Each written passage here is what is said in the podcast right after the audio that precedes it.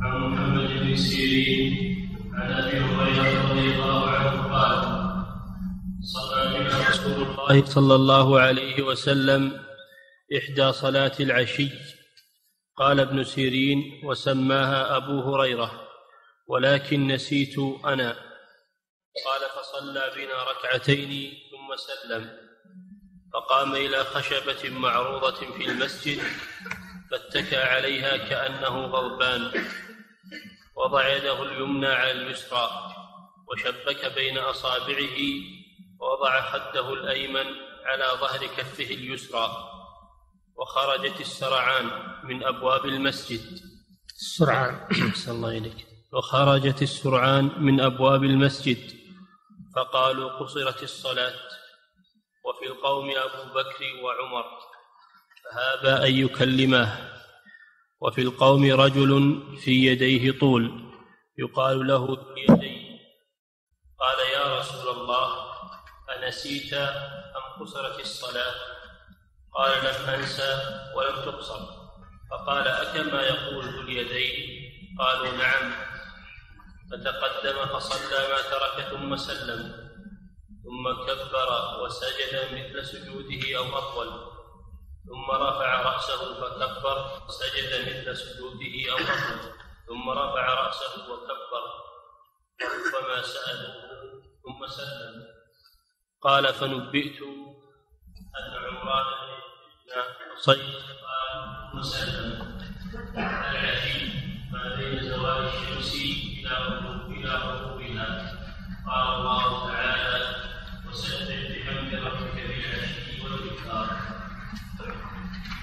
هذا الحديث في في النقص من الصلاة سهوا. إذا نقص من الصلاة سهوا. عن محمد بن سيرين إمام التابعين رحمه الله عن أبي هريرة عن أبي هريرة رضي الله عنه. محمد بن سيرين تابعي وأبو هريرة صحابي جليل. ذكر هذه الواقعة حصلت من النبي صلى الله عليه وسلم أنه صلى بأصحابه إحدى صلاتي العشي وفسر العشي بأنه آخر النهار ما بين زوال الشمس لدخول وقت الظهر إلى غروب الشمس. هذا كله يسمى بالعشي. وصلاة العشي هي الظهر والعصر. وقد شك الراوي الذي هو ابن سيرين هل هي صلاة؟ يعني شك في اسم الصلاة بينما أبو هريرة بين هذه الصلاة ولكن ابن سيرين نسيها فهذا من التثبت في الرواية تثبت في الرواية والأمانة في النقل. محمد بن سيرين رحمه الله بين أنه هو الذي نسي. فلذلك لم يجزم بإحدى الصلاتين. وعلى كل حال سواء كانت صلاة الظهر أو صلاة العصر الحكم لا يختلف. ولكن هذا من الدقة في النقل والأمانة في الرواية. صلى صلى الله عليه وسلم هذه الصلاة ثم سلم من ركعتين. سهوا ثم قام صلى الله عليه وسلم من مكانه إلى خشبة في المسجد اتكأ عليها وشبك بين أصابعه كأنه مغضب عليه الصلاة والسلام. الصحابة هابوا أن يكلموا رسول الله صلى الله عليه وسلم وفيهم أبو بكر وعمر أكبر صحابة رسول الله صلى الله عليه وسلم. لما لرسول الله صلى الله عليه وسلم من الهيبة والتوقير والاحترام هابوا أن يكلموه. فهذا فيه احترام رسول الله صلى الله عليه وسلم وإجلاله وتوقيره عليه الصلاة والسلام وهيبته. وكان في القوم رجل يقال له ذو اليدين سمي ذا اليدين لأن يداه طويلتان. فهذا لقب واسمه الخرباق. اسمه الخرباق. فهذا الرجل سأل النبي صلى الله عليه وسلم. جرؤ على أن يسأل النبي صلى الله عليه وسلم لأن هذا أمر عبادة. هذا أمر عبادة. وأمور العبادة لا يستحيا من السؤال فيها فقال يا رسول الله أقصرت الصلاة يعني ركعتين أم نسيت؟ فقال صلى الله عليه وسلم لم تقصر ولم أنسى. هذا بناء على هذا بناء على ما غلب على ظنه صلى الله عليه وسلم. بناء على ما غلب على ظنه صلى الله عليه وسلم. ثم إنه سأل أصحابه عليه الصلاة والسلام فقال أصدق ذو اليدين؟ يعني هل أصاب؟ ما هو معناه إنه يتهم بالكذب. لكن يقال صدق يعني أصاب. هل هو على صواب فيما قال؟ أو أنه متوهم أم أنه متوهم؟ قالوا بلى يا رسول الله. قالوا بلى يا رسول الله يعني صدق ذو اليدين. فقام صلى الله عليه وسلم وعاد إلى مكانه وصلى الركعتين الباقيتين ثم إنه سجد سجدتين قبل السلام وسلم. فهذا فيه دليل على مسائل عظيمة. المسألة الأولى فيه أن السهو قد يحصل في الصلاة من المسلم حتى إنه حصل من النبي صلى الله عليه وسلم. الإنسان بشر ينسى. والمسألة الثانية فيه احترام النبي صلى الله عليه وسلم. وهيبته عليه الصلاة والسلام في قلوب أصحابه.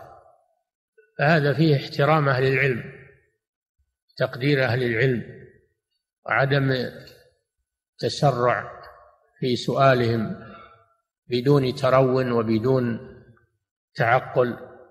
المسألة الثالثة فيه أن الحركة في الصلاة من غير قصد أنها لا تبطلها. فإن النبي صلى الله عليه وسلم قام وترك مكانه وذهب إلى مكان آخر في المسجد ثم عاد. هذا فيه دليل على أن الحركة في الصلاة إذا لم تكن عن قصد أنها لا بأس بها. والمسألة الرابعة الحديث دليل على أن من نقص من الصلاة سهوا أنه يعود أنه يعود ويكمل ما نقص ولا يستأنف الصلاة من أولها بل يبني على ما سبق يبني على ما سبق ويكمل صلاته ولا يكبر إذا إذا قام لاستدراك ما ترك لا يكبر. تكفي التكبيرة التي قام بها من السجود.